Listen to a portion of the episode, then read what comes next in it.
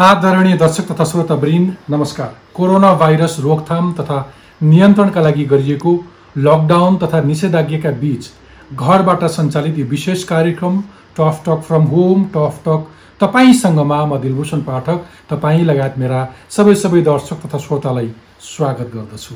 हिमालय टेलिभिजनमा बिहिबार राति नौ बजे प्रसारण हुने यो कार्यक्रम तपाईँ टफ टकको युट्युब च्यानलमा टफ टक प्रस्तुतकर्ता इन्टिफिस नेपालको web page Interface Nepal dot com र हाम्रो पात्रो एपमा हेर्न तथा आइएस चलाउने श्रोताहरूले आइट्युन्स र एन्ड्रोइड चलाउने श्रोताहरूले नेपाली पडकास्टमा पनि टफ टक सुन्न सक्नुहुनेछ। कोरोना सङ्कटका बेला मूलभूत रूपमा टफ टक तपाईँसँग टफ टक फ्रम होमको यो श्रृङ्खलामा म आम नागरिकसँग सरोकार राख्ने सुशासनसँग जोडिने स्वास्थ्य सेवाको अवस्था प्रदेश र स्थानीय तहसम्म भइरहेका प्रयास फ्रन्टलाइनमा खटिनेका दुःख व्यथा अथवा उनीहरूको सफलताका कथा एवं स्वास्थ्य संयन्त्रलाई मजबुत बनाउने विधि र उपायबारे विभिन्न संवाद गर्दै आएको छु। कोरोना महामारी समुदाय स्तरमा फैलिसकेको छ। यो कार्यक्रम रेकर्ड गर्दासम्म नेपालमा सङ्क्रमितको सङ्ख्या चालिस हजार नागिसकेको छ। त्यसै गरी मृत्यु हुने पनि साढे दुई सयको हाराहारीमा पुगिसकेका छन्। संसारको कुनै कुनामा रहेका सर्वसाधारण हुन् वा शक्ति राष्ट्रका नेतृत्वकर्ता संसारभरि कोरोना भाइरसको सङ्क्रमणले कसैलाई छाडेको छैन। पछिल्लो समय नेपालमा पनि सङ्घीय सांसद प्रदेश सांसद काठमाडौँ र वीरगञ्ज महानगरपालिकाका मेयर उद्योगपति वरिष्ठ चिकित्सकदेखि संवैधानिक निकायका प्रमुख समेत कोरोना सङ्क्रमित भइसकेका छन्। विशेष गरी फ्रन्टलाइनमा काम गर्ने करिब एक हजार प्रहरी पाँच सयभन्दा बढी स्वास्थ्य कर्मी सङ्क्रमित भएका छन्। मुलुककै ठुलो मध्येको वीर अस्पतालमा सङ्क्रमित चिकित्सकहरूको सङ्ख्या बढेपछि ओपिडी सेवा नै बन्द गर्नु परेको छ। महामारीको केन्द्रीय कमान्ड सम्हालिरहेको कोभिड उन्नाइस सङ्कट व्यवस्थापन केन्द्र सिसिएमसीमा कार्यरत एकजना व्यक्ति समेतलाई कोरोना सङ्क्रमण देखिसकेको छ। त्यसैले अब कोही पनि कहीँ पनि सुरक्षित छैनन्। कतिपय हाम्रा संयन्त्रहरूको कमजोरी त कतिपय हामी स्वयंको हेलचक्राइले पनि महामारी बढिरहेको छ।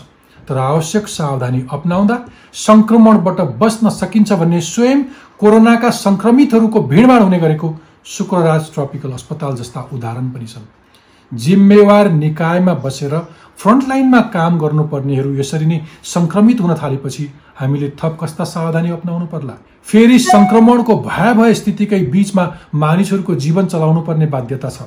त्यसैले कोरोना विरुद्धको युद्धमा हामी प्रत्येकको के भूमिका हुन्छ? हामी अझै पनि कतिपय ठाउँमा मास्क समेत नलगाउने तथा न्यूनतम दूरी समेत कायम नगरी जोखिम निम्त्याइरहेका तथा स्वयं महामारी फैलाउने भूमिकामा सरिक भइरहेका छौँ। यो अवस्थामा तल्लो तहमा कस्ता जटिलताहरू छन् र स्थानीय सरकारहरूका निमित्त कोरोना महामारी रोकथाममा के कस्ता समस्या छन्? अहिले महामारी रोकथाममा राज्यका निकायदेखि तपाईँ हामीले अप्नाउनु पर्ने सावधानी के के हुन्? तिन तहको शासकीय संरचना भए पनि महामारीका बेला हामीले तिनलाई किन प्रभावकारी बनाउन सकिरहेका छैनौँ? यस्तै प्रश्नको जवाब खोज्न आजको संवादमा पनि मैले फ्रन्टलाइनमा बसेर कोरोना महामारी व्यवस्थापनमा खटिरहनु भएका केही व्यक्तिहरूलाई निम्त्याएको छु। आजको संवादमा मसँग हुनुहुन्छ भक्तपुर नगरपालिकाका मेयर सुनिल प्रजापति दमक नगरपालिकाका उपमेयर गीता अधिकारी हुनुहुन्छ। त्यस्तै सुरुदेखि नै कोरोनाको उपचार गर्दै आएको शुक्रराज ट्रपिकल तथा सर्वरोग अस्पतालका निर्देशक डाक्टर सागर राज भण्डारी र स्थानीय शासन सम्बन्धी विज्ञ नेपाल सरकारका पूर्व सचिव पूर्णचन्द्र भट्टराई पनि आजको संवादमा हुनुहुन्छ। आउनुहोस् स्वागत गरौँ आजका मेरा सबै अतिथिहरूलाई। धन्यवाद धन्यवाद नमस्कार। म सबैभन्दा पहिले भक्तपुर जान चाहन्छु। हुन त मैले आज काठमाडौँका उपमेयर हरिप्रभा खड्गीजीलाई पनि निम्ता गरेको थिएँ। उहाँले बिर्सिनु भएछ मैले पछिल्लो पटक उहाँलाई तारन्तार धेरै फोन गरेपछि कार्यक्रम सुरु गर्नुभन्दा अगाडि उहाँले मुस्किलले फोन उठाउनु भयो र बिर्सेँ भन्नुभयो। दुःख लाग्छ। काठमाडौँ महानगरपालिका मुलुकको सबैभन्दा ठुलो जनघनत्व भएको महानगरपालिकाको उपमेयरले समय दिएको अहिलेको संवादको समय बिर्सिनु भएको छ। काठमाडौँका मेयर चाहिँ अहिले कोरोना सङ्क्रमित भएर आइसोलेसनमा हुनुहुन्छ। उहाँको स्वास्थ्य लाभको कामना गरौँ। सुनिल प्रजापति हुनुहुन्छ भक्तपुर नगरपालिकाबाट हुनुहुन्छ। सुनिलजी तपाईँको भक्तपुर जिल्लामा पनि जनघनत्व ठुलै छ बाक्लो बस्ती छ सङ्क्रमण फैलिरहेको छ। के छ पछिल्लो अवस्था? तपाईँहरू जनप्रतिनिधिहरू पनि कोही सङ्क्रमित हुनुभएको छ? हिजोसम्मको रेकर्ड हेऱ्यौँ भने अठासीजना सङ्क्रमितहरू भेटिएका छन् र त्यसमध्येमा हाम्रो अडचालिसजना पुरुष र चालिसजना महिला छन्। र अहिलेसम्ममा एक्काइसजना निको भएर घर फर्किसकेका छन् भने यहीँ बस्ने यही लोकल मान्छेहरूको मृत्यु भनेको दुईजना हाम्रो रेकर्डमा आएको छ। र यो हिसाबले भक्तपुर नगरपालिकामा अहिले अठासीजना देखिने गरिकन आएकाहरू भयो भने अर्कोतर्फ हामीले कन्ट्र्याक्ट ट्रेसिङ गरिरहेका छौँ। आजसम्मको हिसाब गर्ने हो भने अघिसम्मको चार सय अडतिसजनाको भइसकेको छ र त्यो परिवारमा कहिलेकाहीँ ती परिवारकै मान्छेहरूमा सङ्क्रमणहरू देखा परेका छन्। अब यसको व्यवस्थापन नगरपालिकाले गरिरहेको छ। र त्यस्तै गरिकन विदेशबाट आउने जति पनि छन् नेपाल सरकारले विदेशबाट प्लेन सञ्चालन गर्ने भनेर भनिसकेपछि भक्तपुर नगरपालिकाले अनलाइन फारम आह्वान गर्यो कि भक्तपुर आउन चाहनेहरूले यो फारम भरिदिनुहोस् र यसमा कहाँ बस्ने कस्तो छ तपाईँहरू आफ्नो सम्पूर्ण विवरण भर्नुहोस् भनेर भर्न लगायौँ। त्यसको आधारमा हामीले तिन किसिमको क्वारेन्टाइन तयार गऱ्यौँ। एउटा नगरपालिकाको आफ्नै क्वारेन्टाइन दोस्रोमा होटलहरूसँग सल्लाह गरेर कुन स्तरकोमा बस्न सकिन्छ त्यो स्तर विभिन्न स्तरको होटलहरूको व्यवस्थापन र तेस्रोमा घर व्यवस्थापन भएकाहरूको निम्ति घर। त्यो हिसाबले होल्डिङ सेन्टरमा तिनजना क्वारेन्टाइनमा तिनजना र सम्पूर्ण रेखदेखको निम्ति तिनजना गरेर नौजना कर्मचारीहरूले जिम्मेवारी दियौँ। त्यसपछि ती सङ्क्रमितहरूमा त समस्या आउँछ। कोसँग सोध्ने। भनेपछि हामीले दुईजना डक्टरहरूको निम्ति चौबिसै घन्टा कुनै पनि बेला समस्या आएको बेलामा शङ्का लागेको बेलामा फोन गर्नु सक्ने गरिकन त्यो व्यवस्था गऱ्यौँ। र साथसाथै स्वास्थ्यमा समस्या आउन सक्छ सरसफाइको निम्ति के गर्ने या अन्य विभिन्न खालका समस्याहरू आउन सक्छन्। त्यसकारण ती समस्याहरूको निम्ति भनेर नगरपालिकाका तिनजना कर्मचारीहरूको सार्वजनिक रूपमा नम्बर हामीले दिएका छौँ र टोली नै त्यसमा व्यवस्था गरेका छौँ भक्तपुर नगर स्वयं सांस्कृतिक नगर भएको हुँदा यहाँ त महिना महिनामा धेरै चाडपर्वहरू भइरहन्छ। त्यसकारण त्यसको निम्ति भनेर पञ्चदान पर्व यहाँ ठुलै पर्व हुन्थ्यो। त्यसलाई स्थगित गऱ्यौँ हुल्ला पर्व स्थगित गऱ्यौँ। यद्यपि अहिले यन्यापुनीको समय छ इन्द्र जात्राको यो सबै स्थगित गरेका छौँ। अनि त्यसपछि सोह्र श्राद्धको विषयमा हामीले औपचारिकतामा मात्रै सीमित गर्नुहोस्। यो मान्छे भिडभाड गर्ने कुनै काम नगर्नुहोस् भनेर देवाली पूजा बिस्का जात्रा गाई जात्रा लगायतका थुप्रै हाम्रो चाडपर्वहरू सबैले सामान्य औपचारिकतामा। त्यो भनेको आउँछु म आउँछु। मेरो मैले एउटा प्रश्न सोध्न मन लागिहाल्यो कि काठमाडौँका मेयरको हकमा उहाँको कोरोना पोजिटिभ आउनु दुई दिन अगाडि उहाँको बैठकमा पुग्ने एकजना मान्छेले मलाई के भन्दै हुनुहुन्थ्यो भने दुई दिन अगाडिसम्म उहाँको महानगरपालिकाको बैठकमा उहाँ लगायतका मान्छेहरू मास्क नलाइकन आफ्ना मान्छेहरू त हुन् नि कहाँ सर्छ र भने जस्तो गरेर मास्क नलाइकन बसेर बैठक गर्दै हुनुहुन्थ्यो। म आफैलाई बडो अचम्म लाग्यो। सङ्क्रमित भएको भेटियो भनेर मलाई कसैले सेयर गर्दै हुनुहुन्थ्यो एकजना एकजना त्यसमध्ये सहभागीले तपाईँहरूको नगरमा त्यस्तो कुनै हेल्थ चक्राइ पछिल्लो पटक सङ्क्रमण जिम्मेवार निकायमा बस्नेहरूकै हेल्थ चक्राइले पनि हुने गरेको छ। मास्कहरू कति अनिवार्य रूपमा लाउनु भएको छ दुरीहरू कति मेन्टेन गर्नुभएको छ फ्रन्टलाइनमा काम गर्ने तपाईँहरूले? अहिले जनप्रतिनिधिहरू विशेष गरी कर्मचारीहरू त अनिवार्य जस्तै हामीले लगाइरहेका छौँ। त्यसमा त्यति गर्दा गर्दै पनि कहिलेकाहीँ विभिन्न कारणले हुनसक्छ मार्क्स मात्रै नहुने रहेछ। विभिन्न कारणले हाम्रा जनप्रतिनिधिहरूमा पनि देखिएको छ नदेखिएको होइन। त्यस्तै कर्मचारीहरूमा पनि या कर्मचारीको परिवारलाई विभिन्न कारणहरूबाट त्यो देखिएको छ। यद्यपि हामीले दैनिक नगरवासीको निम्ति म्याकिङ चाहिँ गरिरहेका छौँ मास्क लगाउने अनिवार्य त्यसपछि सेनिटाइजरको टोल टोलमै हामीले साबुन पानी राखिदिएका छौँ। टोल टोलमै रुटिन बनाएर हामीले क्लोरिनहरू छर्किने काम गरिरहेका छौँ। त्यो भनेको सचेतनाकै विषय हो। त्यसैले हामीले सूचना मार्फत यो रेडियो एफएम मार्फत हामीले जनतालाई सचेत पार्ने महत्त्वपूर्ण काम भन्ने ठानेर हामीले त्यो काम चाहिँ गरिरहेका छौँ। र यसरी हाम्रा हामीले जतिसुकै गरे पनि कति सर्वसाधारण जनताहरू भनौँ कतिले मास्क नलगाएको पनि हामीले पाएका छौँ। यद्यपि हामीले सम्झाइ बुझाइ गर्ने काम भने गरिरहेका छौँ। हरेक दिन म्याकिङबाटै फलाना फलाना देशमा यस्तो यस्तो सङ्क्रमण भएको छ यतिजना मान्छे मरेको छ।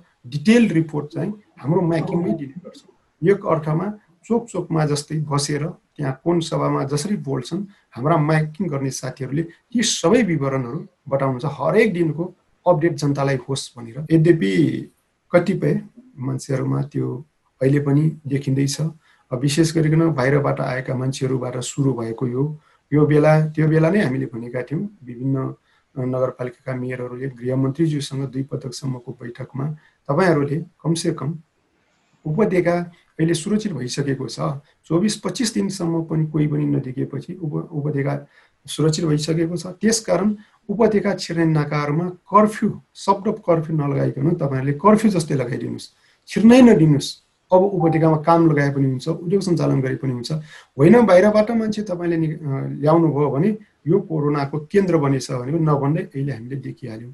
सुनेजी तपाईँलाई धन्यवाद। म दमक जान चाहन्छु। दमक नगरपालिकाबाट डेपुटी मेयर हुनुहुन्छ गीता अधिकारीजी।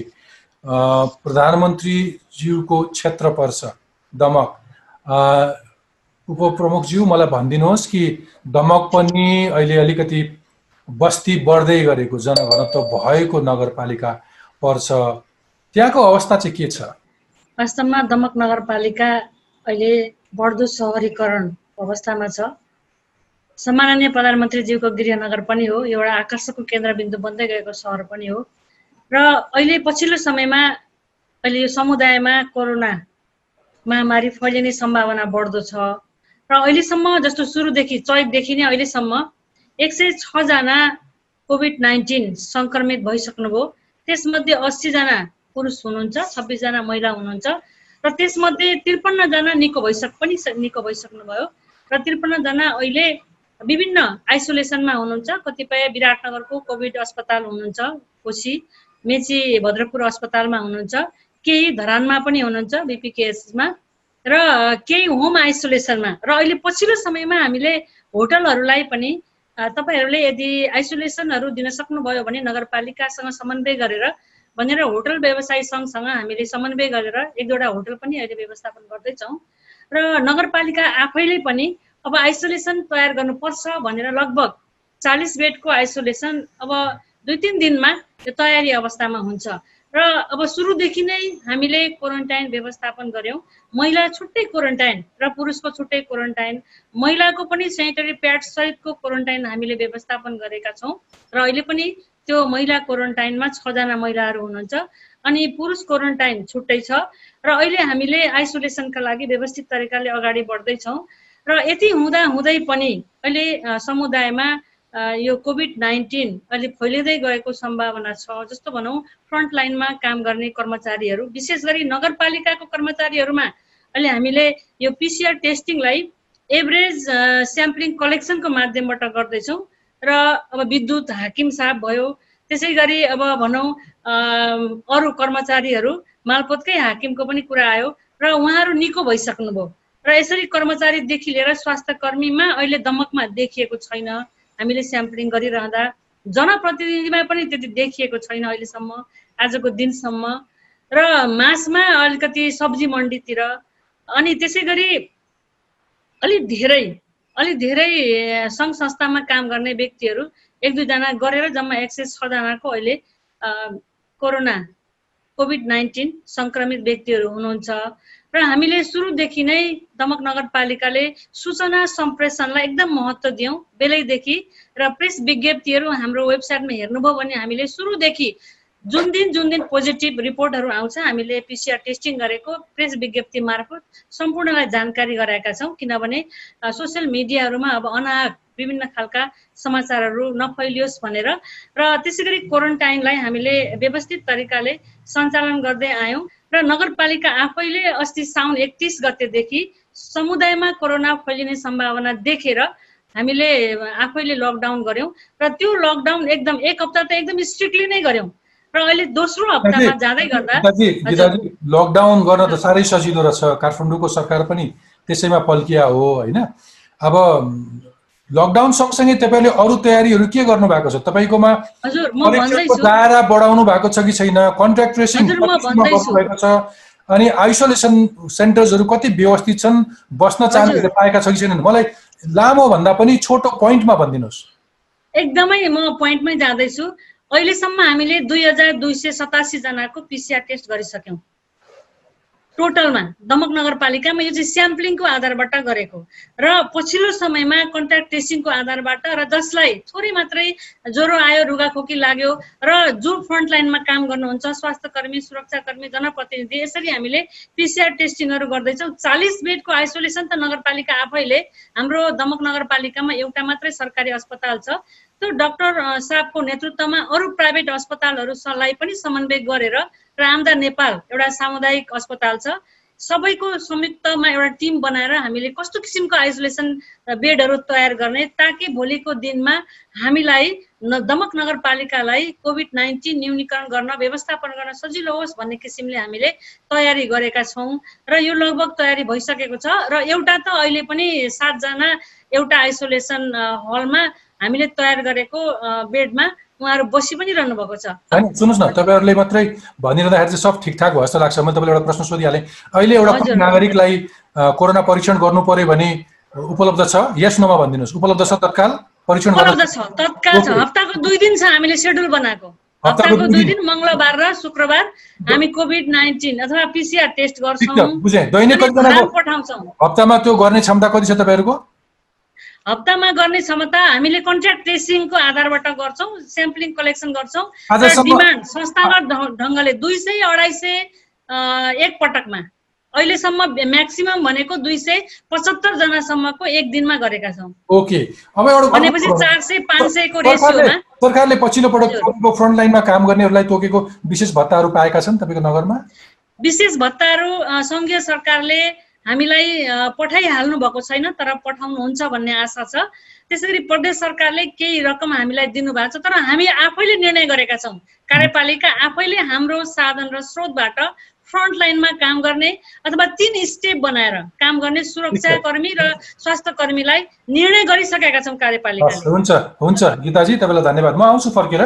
म डाक्टर सागर राज भण्डारीजीकोमा जान चाहन्छु। डाक्टर सागर राज भण्डारी निर्देशक हुनुहुन्छ। शुक्रराज ट्रपिकल तथा सरुवा रोग अस्पताल टेकु जो एउटा आधिकारिक संस्था सुरु सबैभन्दा पहिले पिसिआरको परीक्षण गर्ने केन्द्र र कोरोना सङ्क्रमितहरूलाई उपचार दिइरहेको संस्था सागरजी तपाईँलाई मैले बोलाउनुको विशेष कारण के छ भने अहिले गीता अधिकारीजीले भने जस्तै सुनिलजीले भने जस्तै अथवा काठमाडौँका मेयरहरू अथवा देशका महत्त्वपूर्ण जिम्मेवार निकायमा फ्रन्ट लाइनमा काम गर्ने धेरै सङ्क्रमित भइरहेको अवस्था छ। त्यहाँनिर धेरै मान्छेहरूसँग अन्तर्क्रिया गर्नुपर्ने कारणले यो सङ्क्रमणको रोग तपाईँले मलाई अनौपचारिक रूपमा भन्दै हुनुहुन्थ्यो अस्तिको भेटमा कि यो यति नेस्टी सरुवा रोग पर्यो कि यो काहीँ कुनै पनि बेला तरकारीमा कुनै ढोकाको ह्यान्डल खोल्दै गर्दाखेरि जहाँ पनि तपाईँलाई सङ्क्रमण गर्न सक्छ सङ्क्रमित हुन सक्नुहुन्छ भन्दै गर्दा धेरै मानिसहरू सङ्क्रमित भएको। तर जहाँ अत्याधिक धेरै भिडभाड हुने जसलाई सङ्क्रमणको शङ्का लाग्यो अथवा सङ्क्रमित भए तिनी परीक्षण गर्न आउने उपचार गर्न आउने ठाउँ तपाईँको। रात दिन तपाईँहरू तिनीहरूसँग काम गर्दै हुन्छ तर तपाईँका त्यहाँका दुई सय करिब अस्सीजना कर्मचारी मध्ये कोही पनि सङ्क्रमित भएका छैनन्। सामान्य त्यस्तो भन्दाखेरि टच वुड भन्ने चलन छ अङ्ग्रेजीमा कसैलाई आँखा नलागोस् यो कुरामा फेरि। त्यो चाहिँ कसरी सम्भव त्यो चाहिँ कसरी सम्भव हुन्छ? काठमाडौँका मेयरको पनि कुरा आएको थियो कि उहाँका बैठकमा पछिल्ला बैठकहरूमा कति धेरै कार्यकर्ता पार्टीका मान्छे जनप्रतिनिधिहरू मास्क नलाइकन बसिरहेका थिए अरे। त्यो हेल्थ नै कति जिम्मेवार छ? र कति चाहिँ यो यो हाम्रो कन्ट्रोलभन्दा बाहिरको विषय हो? त्यस पछाडि म त्यस पछाडि म त्यस पछाडि म नगरमा सङ्क्रमणको ट्रेन्ड कस्तो छ उहाँहरूलाई तपाईँको टिप्स के छ पछि आउँछु। हस् थ्याङ्क यू सर्वप्रथम यो मलाई चाहिँ अपर्च्युनिटी दिनुभएको धन्यवाद दिन चाहन्छु। देशको एउटा एउटै मात्र सरुवा रोग अस्पताल जुन झन्डै छयासी सतासी वर्षदेखि सुरुमा यो कलेरा अस्पतालको नाममा सञ्चालन थियो। र यहाँलाई थाहा छ। यो जुन यो अहिले जुन टेकुको परिषद छ सबै यो त्यस बेला यत्रो एरिया सबै टेकु हस्पिटलले कभर गरेको जग्गा हो र अहिले टेकु अस्पतालको वरिपरि देख्नु भएको छ डिपार्टमेन्ट अफ हेल्थ सर्भिसका थुप्रै संरचनाहरू बनिरहेका छन्। एकदम सानो भइसकेका छ। र अहिले यो अस्पताल अहिले पनि डिस्क्रिमिनेटेड नै छ। आई पब्लिकबाट चाहिँ हुने भइहाल्यो। पब्लिक मात्र नभएर चाहिँ even is from the department of health सर्भिसेसबाट पनि हामी अहिले डिस्क्रिमिनेट भएको जस्तो अनुभव भइरहेको छ। किन भन्दाखेरि अहिले यस्तो विषम परिस्थितिमा हामीलाई यत्रो ठाउँहरूमा चाहिँ सेवा दिनुपर्नेमा यदो साँगुरो भएको छ। हरेक दिन हजारदेखि दुई हजारजना मान्छेहरू हामी कहाँ यो परीक्षणको लागि आउनुहुन्छ र परीक्षणको लागि आउने पनि एकदम सर्वसाधारण नेपालीहरू जो बिहान काम गरेर बेलुकी खानुपर्ने मानिसहरू चाहिँ अहिले आइराख्नु भएको छ। झन्डै तिन चार महिनाको अवधिमा हामीले चौबिस पच्चिस हजार मानिसहरूको यो टेस्ट गर्न सफल भएका छौँ। सफल सफल भएका छौँ र पहिलो केसलाई पनि म्यानेजमेन्ट गरेका छौँ। र त्यो अहिले कोभिड नाइन्टिनको पेन्डेमिसिटी भएपछि यसले अवसरको रूपमा हामीले लिएका छौँ। यो डिस्क्रिमिनेट औषधलाई देशको एउटा नमुना बनाउनु पर्छ भन्ने च्यालेन्जिङ स्वीकार गरेर अहिले हामीले यो अस्पतालको संरचनादेखि लिएर सबै कुरा चाहिँ चेन्ज गरेका छौँ। र अहिले हाम्रो यो थोत्रो घरलाई तै पनि हामीले आफ्नो क्षमताले भ्याएसम्म यो लकडाउनको अवस्थामा पनि एक दिन रात नभनिकन यसलाई चाहिँ परिवर्तन गर्न सफल भयौँ। र यो दिन रात नबनिकन जुन इन्फेक्टेड मान्छेहरूलाई भित्र राख्दा पनि कमसेकम काम गर्ने मान्छेलाई पनि पिपिई फुल पिपिई दिएर हामीले काम लगाउनु पर्यो। र त्यसको लागि सबै साथीहरूलाई चाहिँ जसले मलाई यो गर्नमा सहयोग गर्नुभयो सबैलाई धन्यवाद दिन अहिले यतिका धेरै केसहरू बढिराखेका छ। हिजोकै मात्र कुरा गर्दा वान थ्री फोर एक सय चौतिसवटा केस बढेको छ भने आज मात्र चाहिँ सिक्स सेभेन सडसठीवटा केस बढिराखेको छ। अब यो आँकडाको हिसाबले कुरा गर्नुहुन्छ भन्दाखेरि आजभन्दा एक हप्ता अगाडि पाँचजना मान्छे मध्ये एकजना पोजिटिभ थिए पनि आजको हिसाबले चारजनामा एकजना पोजिटिभ देखिएको जति पनि हाम्रो यस अस्पतालमा चाहिँ शङ्कास्पद जुन व्यक्तिहरू हुन्छ त्यसरी देखिएको छ। एउटै परिवारमा डाक्टर साहबलाई अलिकति फुटाउँ अलिकति बुझ्ने गरी भनिदिनुहोस् तपाईँले के भन्नु भने पछिल्लो पटक पछिल्ला केही दिन तपाईँको केन्द्रमा आएर परीक्षण गर्नेहरूको ट्रेन्ड हेऱ्यो भने एभ्री चारजना अस्ति एभ्री पाँचजनामा एकजना सङ्क्रमित थियो भने अहिले एभ्री चारजनामा एकजना सङ्क्रमित छ। यो एभ्री चारजना परीक्षणमा एकजना पोजिटिभ देखिनु भनेको यसले के सङ्केत गर्छ? यो कति भयावह हो। यो समुदाय स्तरमा कुन तहमा फैलियो र उहाँहरू जस्तो जनप्रतिनिधिहरूले अब ध्यान दिनुपर्ने कुरा के छ? हस् दिलभूषणजी अझै कुरा यसका चाहिँ सिरियसनेस अझै कुरा गर्दैछु। आजै मात्र मैले आजको लिस्ट हेरिराखेका थिएँ। एउटै परिवारका चारजना व्यक्ति एउटै परिवारका पाँचजना व्यक्तिलाई चाहिँ यो चाहिँ इन्फेक्सन भएको देखिएको छ। आजको लिस्टमा हिजोको लिस्टमा एउटै परिवारका पाँचजना छजनासम्म देखियो थियो भन्दाखेरि अहिले हामी यो चाहिँ सामुदायिक सङ्क्रमणमा अवस्थामा हामी पुगिसकेका छौँ। कम्युनिटी ट्रान्समिसन भनि भनिराखेको छ। र देशभरिभन्दा पनि काठमाडौँ यो उपत्यकामा यो कम्युनिटी ट्रान्समिसन अवस्थामा हामी पुगिसकेका छौँ। यो यसका सर्टेन हटस्पटहरू पनि छ। ती हटस्पटहरूमा जहाँ धेरै बाक्लो बस्ती छ ती बस्तीहरूमा यो यो अवस्था चाहिँ आइसकेको अवस्था छ।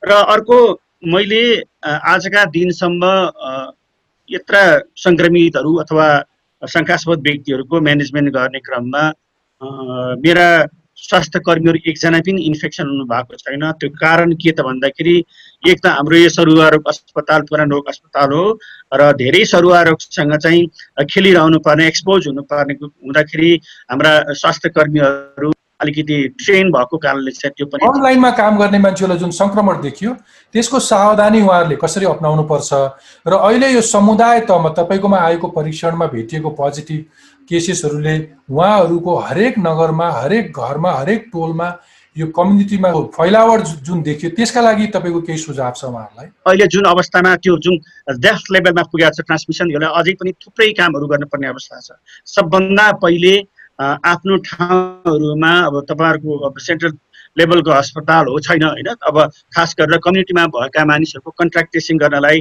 जुन सिआइसिटी लोकल सिआइसिटी भनेको त्यो त्यो तिनजनाको मान्छेको राखिएको छ।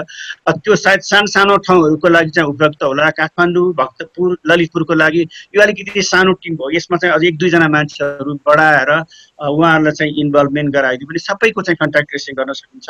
र अहिले कन्ट्राक्ट ट्रेसिङ गर्ने क्रममा सबभन्दा बेस्ट भनेको आइसोलेसन सेन्टरहरू कम्युनिटी लेभलमै बनाउनु पर्ने हुन्छ।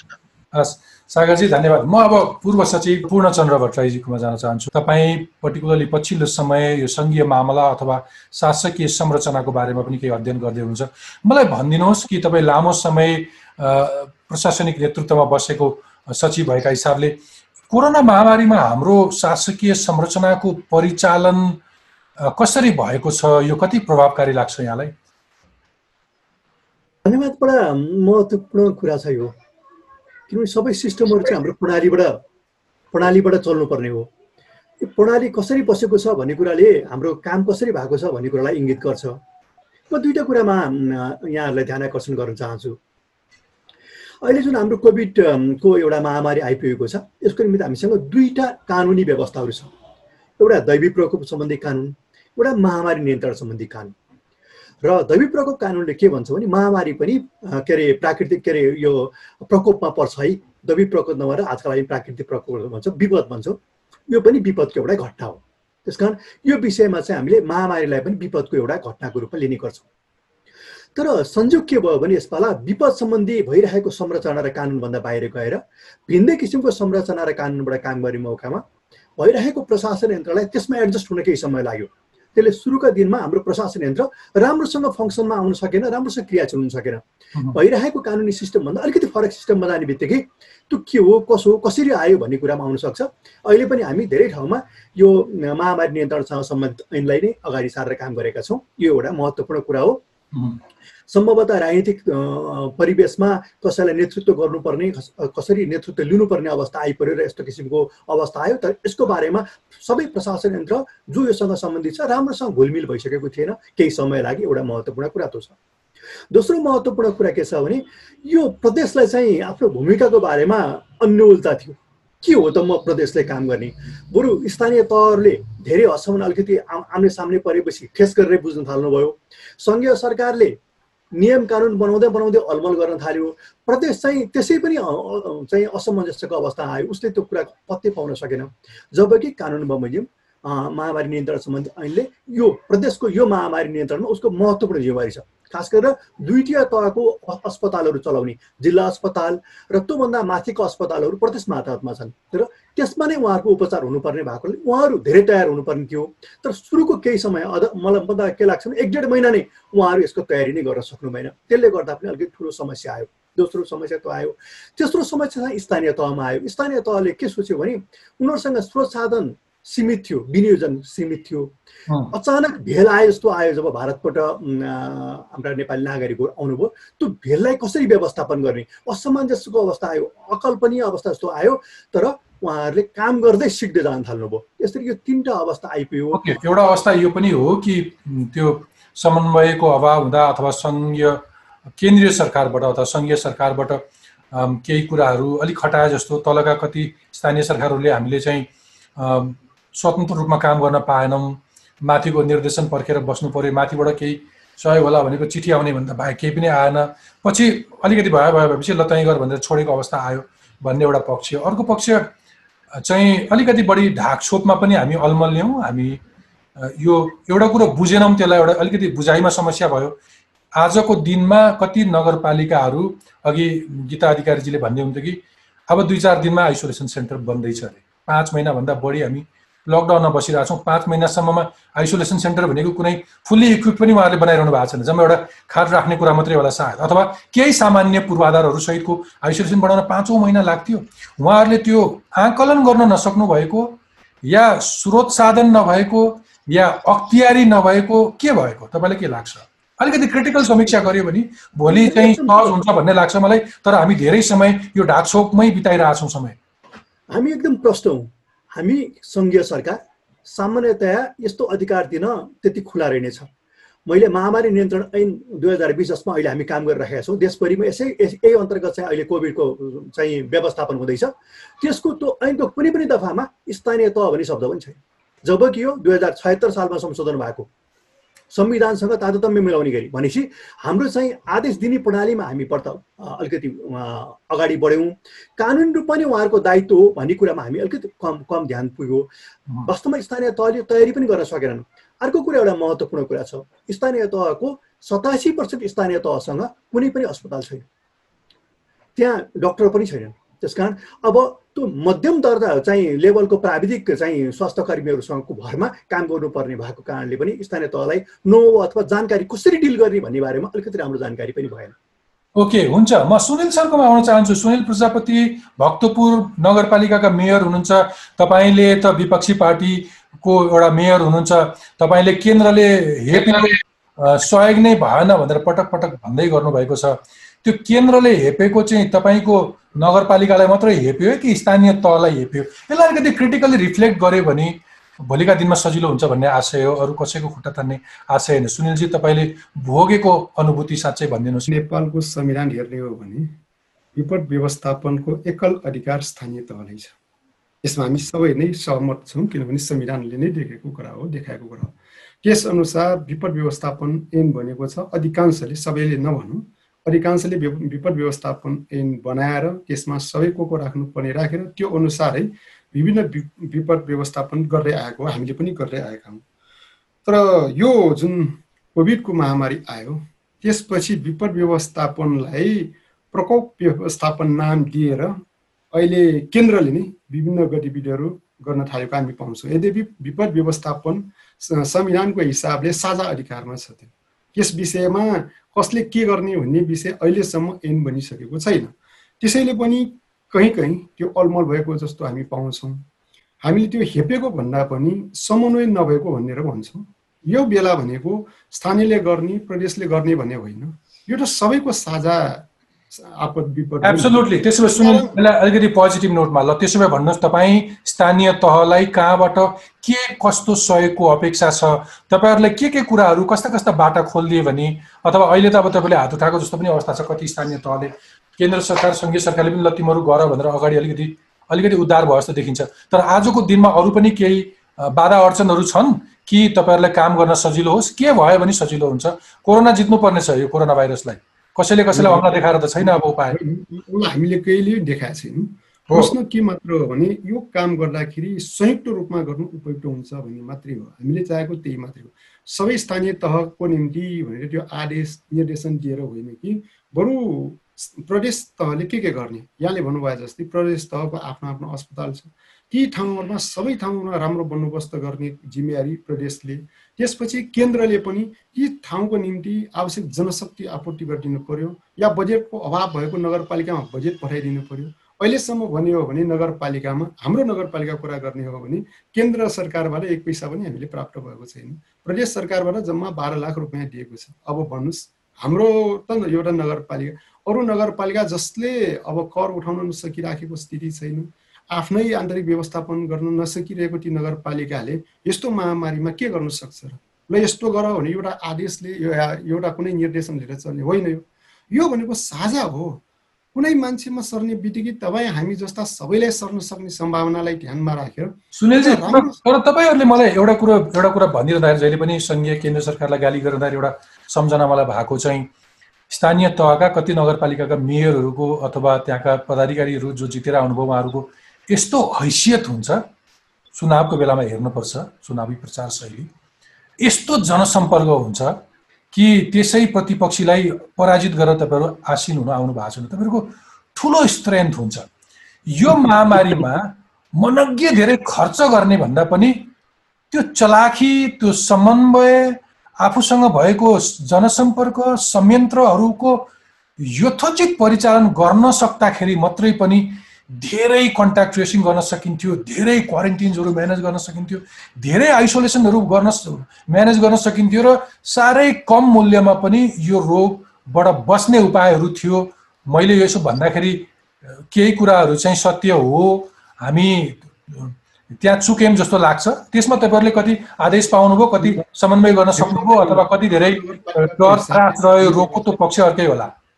होइन भक्तपुर नगरपालिकाको हिसाबले मैले भनिराखेँ होइन मैले समग्रतामा तपाईँले आफू मात्रै तपाईँले मात्रै मैले समग्रमा कुरा गर्दैछु। ओभरअल गर्दैछु। समग्रमै भनिरहेको छु। किनभने यो समग्रमा हिसाब गर्दाखेरि यो काठमाडौँ उपत्यकाको नगरपालिकालाई मात्रै हेरेर हुँदैन नगरपालिका त सब हेर्नु जस्तो पश्चिमको त हेर्नुभएकै होला नि। बाहिरबाट आएकाहरूलाई राम्रोसँग सरकारले केन्द्रीय सरकार होस् या प्रदेश सरकारले क्वारेन्टाइनमा राखेर पिसिआर चेक गरेर मात्रै जुम्ला हुम्ला कालीकोट बाजुरातिर पठाइदिएको भए ती ठाउँमा त पुग्ने थिएन होला नि।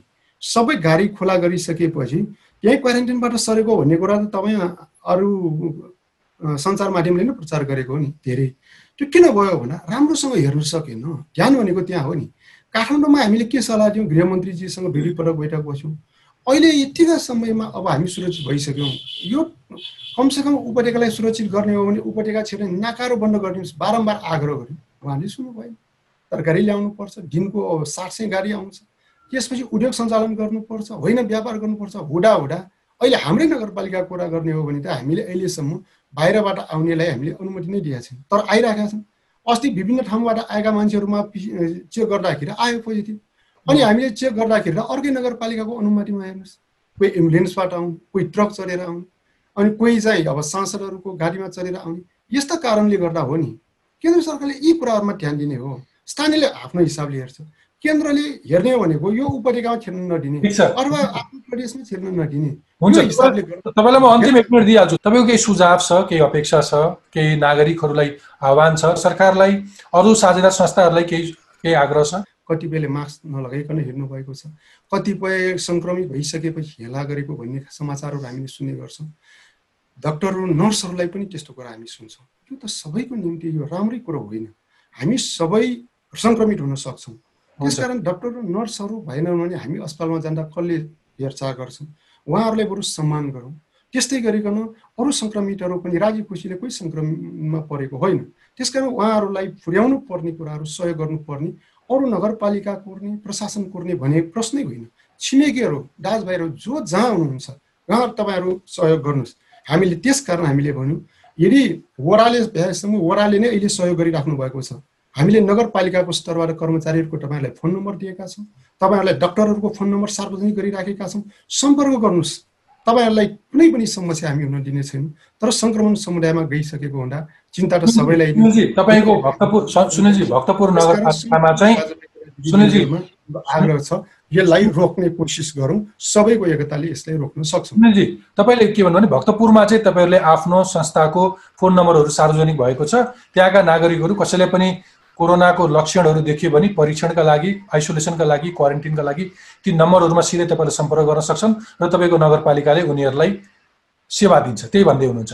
एकदमै एकदमै गीताजी गीताजी तपाईँको तपाईँको नगरमा चाहिँ अब प्रधानमन्त्री स्वयं केपी ओलीको गृहनगर पनि तपाईँकोमा पनि अघि तपाईँले भने जस्तै सब ठिकठाक छ कि नागरिक तहबाट केही गुनासाहरू पनि छन् यी कामहरू हुन पाए हुन्थ्यो भन्ने तपाईँहरूलाई पनि अलिकति साधन स्रोतहरू उपलब्ध भए हामी यस्तो केही गर्न सक्थ्यौँ भन्ने त्यस्तो केही चाहनाहरू छ? जस्तो अघि कुरा आयो नि स्थानीय तह आफैले ऐन बनाएर कार्यविधि बनाएर विपद व्यवस्थापन गर्न सक्छ र गरि पनि रहेको छ। हामीले पनि ऐन कार्यविधि बनाएर आफैले गरिरहेछौँ र सङ्घीय सरकार र प्रदेश सरकारसँग राम्रै समन्वय पनि छ। स्वयं प्रधानमन्त्रीज्यूले पनि हामीलाई निर्देशन सुझाव सल्लाहहरू दिइरहनु भएको छ। हामीले उहाँलाई रिपोर्टिङ पनि गर्छौँ र उहाँको गृहनगर उहाँको उहाँलाई भोट हालेका जनताहरू बसोबास गरेको नगर भएको नाताले पनि। र अब अन्यल त सुरुमा अन्यलै थियो। त्यस कारणले गर्दा पनि अघि आयो आइसोलेसन किन ढिलो बनायो?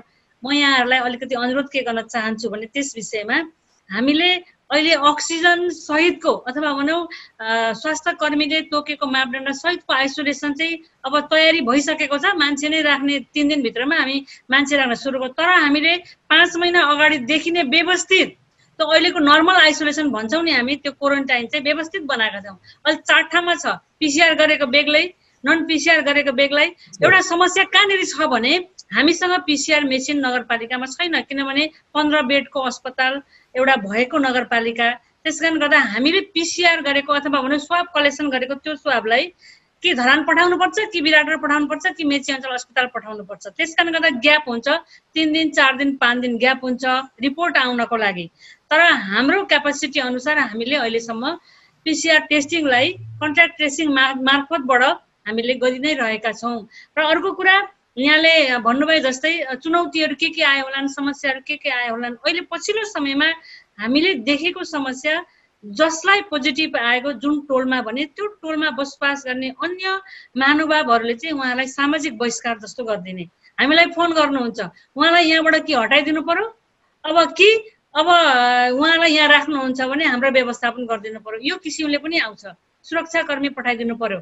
यहाँ प्रहरी तैनात गरिदिनु पर्यो। यस्तो किसिमको आइरहँदा कता कता तिक्तता पनि हुन्छ। हामी आफै फिजिकल्ली पनि पुग्छौँ र अहिले हामीले दुईजना काउन्सिलरहरू नगरपालिकामा राखेर फोन मार्फतबाट प्रत्येकको जो जो पोजिटिभ आउनुभयो परिवार र सँगसँगै टोलवासीहरूलाई काउन्सिलिङ गर्न लगाउने भनेर यो जुम मार्फत पनि टेलिफोन मार्फत पनि त्यो प्रविधि हामीले पनि सुरु गरेका छौँ।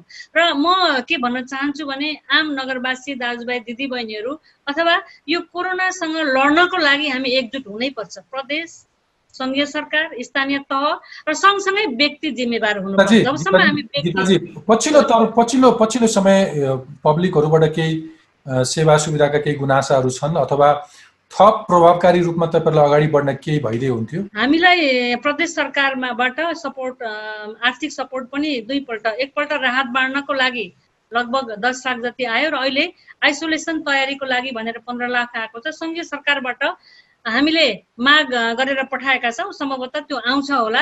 हामीलाई यदि यो साधन स्रोत अलिकति के भयो भने नगरपालिकाको राजस्व कलेक्सन घटेको छ यहाँहरूलाई थाहा छँदैछ। र राजस्व कलेक्सन घटेको हुनाले साधन स्रोतको अभाव मात्रै हो। तर पनि हामी हामीले के पनि आँट गरेका छौँ भने बरु योजनाहरू कटौती गर्ने कतैबाट यदि साधन स्रोतहरू हामीलाई अनुदान अथवा सपोर्ट भएन भने हाम्रो योजनाहरू कटौती गर्ने तर पनि हामी जनतालाई हाम्रो यो सुरक्षित राख्ने भन्ने हामीले कार्यपालिकाबाट पनि निर्णय गरेर बजेटहरू छुट्याएर पनि अगाडि बढेका छौँ र सङ्घीय सरकार र प्रदेश सरकारको सपोर्ट त पक्कै पाइ चाहिन्छ र सँगसँगै सँगसँगै म के अनुरोध गर्न चाहन्छु सबै सङ्घ संस्थाहरू र विभिन्न राजनीतिक दलहरू सबै मिलेर हामी एक जोइन्टली यो लडाइँ लड्नुपर्छ र दमकले यो अभियान चलाएको छ। हुन्छ हुन्छ।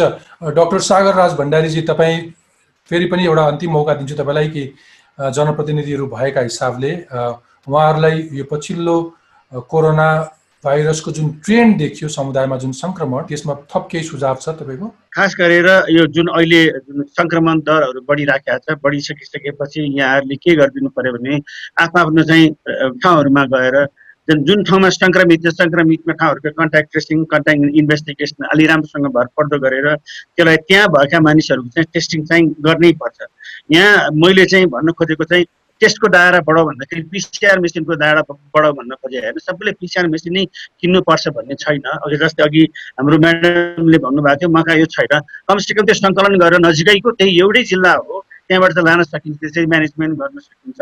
किनभने अहिले ती ठाउँहरूमा पनि क्षमता वृद्धि भएको छ होइन? त्यस्तै र अर्को अब सुनिल सरकै कुरा गर्दा पनि सुनिल सरकै पनि अब त्यहाँ नजिकै अब यो लोकल हस्पिटल पनि छ। लोकल हस्पिटल पनि गर्न सक्छ। यदि त्यो क्षमताले भ्याएन भने अब तपाईँको यो सेन्ट्रल लेभलले पनि गर्छौँ हामीले पनि स्टेटले पनि हामीले गर्छौँ। त्यसरी त्यो समन्वयको चाहिँ समन्वय सहकार र सहअस्तित्व भन्छ यी चिजहरूलाई हामीले ध्यान दिनुपर्छ। र अर्को महत्त्वपूर्ण कुरा अहिले लुकेको के छ भन्दाखेरि अहिले बुझिराख्नुपर्ने। अब आङ्कलन अनुसार यति धेरै सङ्ख्याहरू बढ्दै बढ्दै बढ्दै बढ्दै जान्छ भोलि। अब टेस्टको दायरै कुरा गर्दाखेरि यहाँ सर्वसाधारण सबैको टेस्ट गर्न चाहिँ सम्भव चाहिँ हुँदैन।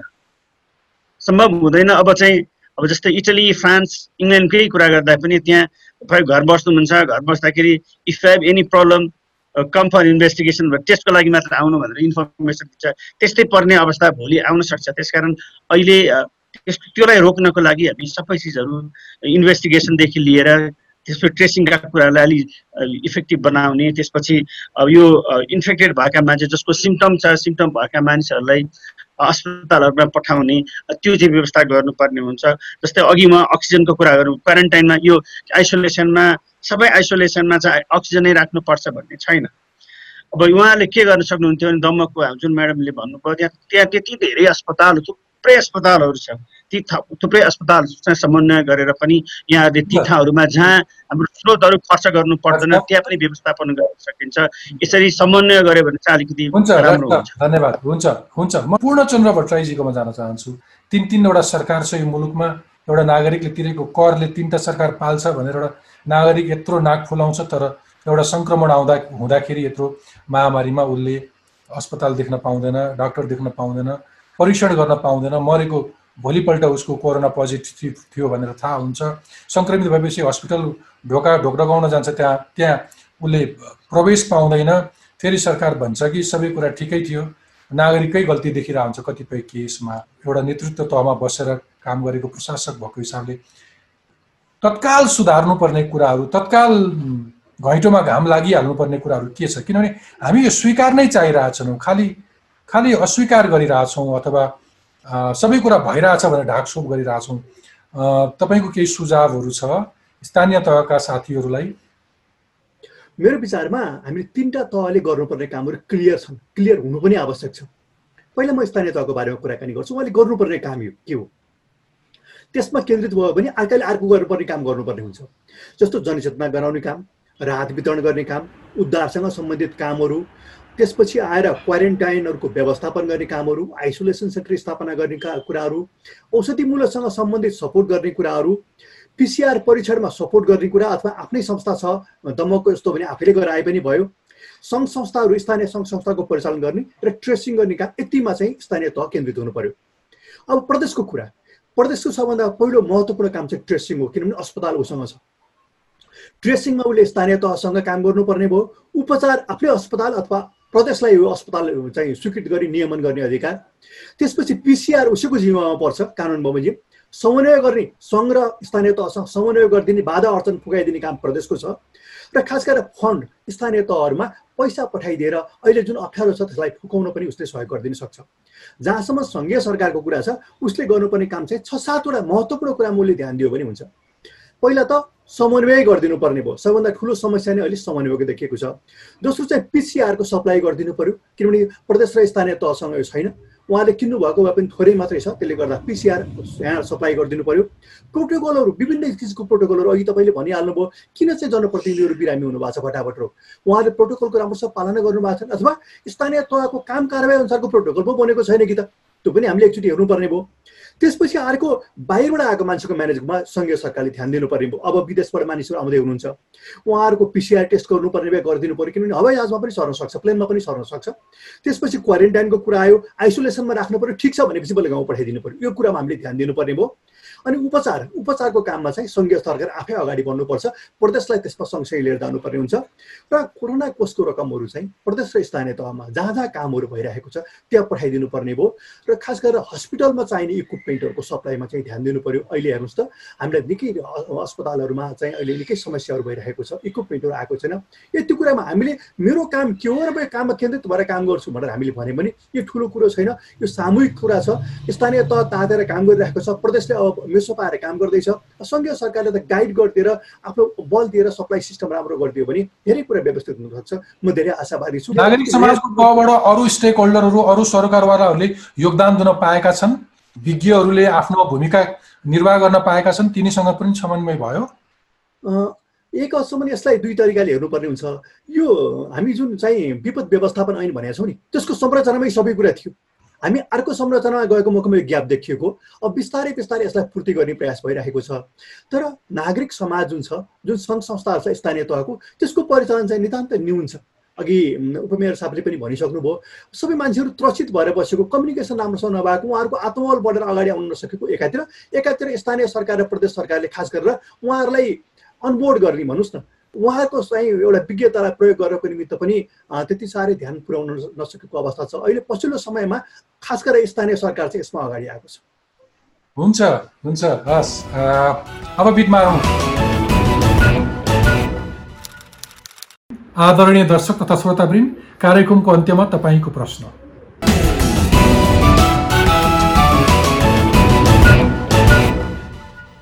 नमस्कार मेरो नाम सागर पौडेल। प्रदेश नम्बर एक रामधुनी नगरपालिका वार्ड नम्बर तीनबाट। मेरो प्रश्न प्रदेश सरकारलाई के रहेको छ भन्दाखेरि प्रदेश सरकारले चाहिँ कोरोना संक्रमण बाहेकका बिरामीहरू अस्पताल जाँदा राम्रो सेवा सुविधा पाओस् उहाँहरूको अकालमा मृत्यु नहोस् भनेर के कस्तो कदम चालिरहेको छ र त्यसै गरी कोरोना संक्रमण भएर घर फर्किएका बिरामीहरूलाई चाहिँ समाजमा चाहिँ राम्रो बस्ने वातावरण होइन उहाँहरूलाई चाहिँ केही खालको भेदभाव नहोस् भनेर समुदाय स्तरमा चाहिँ यहाँहरूले जनचेतनामूलक कार्यक्रमहरू चाहिँ के कस्तो अगाडि बढाइरहनु भएको छ? रचना केसी काठमाडौँ उपत्यकाबाट र मेरो प्रश्न मुख्यमन्त्रीज्यूहरूलाई लकडाउन र सटडाउनको प्रक्रिया पछि के उपलब्धि थियो के उपलब्धि भयो र के उपलब्धि हुनेछ भनेर प्रश्न गर्न चाहन्छु। नमस्ते म सुजिता खत्री ललितपुरबाट। मेरो जिज्ञासा सम्पूर्ण प्रतिनिधिज्यूहरूलाई रहेको छ। जुन लकडाउन निरन्तर चलिरहँदा पनि काठमाडौँ भ्यालीभित्र सङ्क्रमितको सङ्ख्या दिनानुदिन बढिरहेको छ। के लकडाउन जारी गर्दा के सङ्क्रमितको सङ्ख्या घट्ने अवस्था रहेको छ त? लकडाउन त जारी भइराख्ला तर जुन लकडाउनले गर्दा जुन व्यक्तिलाई जुन ज्याला मजदुरी गरेर दिन गुजारा गरिरहनु भएकाहरूलाई जुन असर परिरहेको छ यस विषयमा चाहिँ तपाईँहरूको जुन कार्ययोजना र यहाँहरूले कस्ता के कस्ता प्रावधानहरू चाहिँ ल्याउँदै हुनुहुन्छ उहाँहरूको लागि? नमस्ते म नरेश बागवती प्रदेश तिन काठमाडौँ निवासी। आजको मेरो प्रश्न रहेको छ आदरणीय स्वास्थ्य मन्त्रीज्यूको लागि। सामान्य पिसिआर टेस्टको लागि सर्वसाधारणले चार हजारदेखि पन्ध्र हजारसम्मको शुल्क खेपिरहनु परिरहेको छ। हुन त सरकारी तहमा यो जाँच शुल्क सस्तो रहे तापनि निजी स्वास्थ्य संस्थाहरूमा यसको शुल्क उच्च रहिरहेको हुँदाखेरि परीक्षणमा ढिला सुस्ती एवं मध्यम वर्ग तथा निम्न वर्गका जनताहरूमा जाँच परीक्षणमा एकदम अस्वस्थ उत्पन्न गराइरहेको छ। तसर्थ म जनप्रतिनिधि एवं सरकारवालाहरूमा यो शुल्क निरको न्यूनीकरणतर्फ चाँडोभन्दा चाँडो ध्यान आकर्षण होस् भनेर म अनुरोध गर्न चाहन्छु। म सबिन चारिसे कर्णाली प्रदेश मेरो प्रश्न कर्णाली प्रदेशको मुख्यमन्त्रीज्यूलाई। हाम्रो प्रदेशमा यत्रो महामारीको रूपमा कोभिड नाइन्टिन फैलिरहँदा जनताले सेवा पाउनुको सट्टा राहत वितरणमा भ्रष्टाचारको खबर सुन्नु परिरहेको छ। जनतालाई विश्वास दिलाउन मन्त्रालयले खर्च गरेको सम्पूर्ण रकमको विवरणहरू मन्त्रालयको पेजमा राख्न सकिन्न र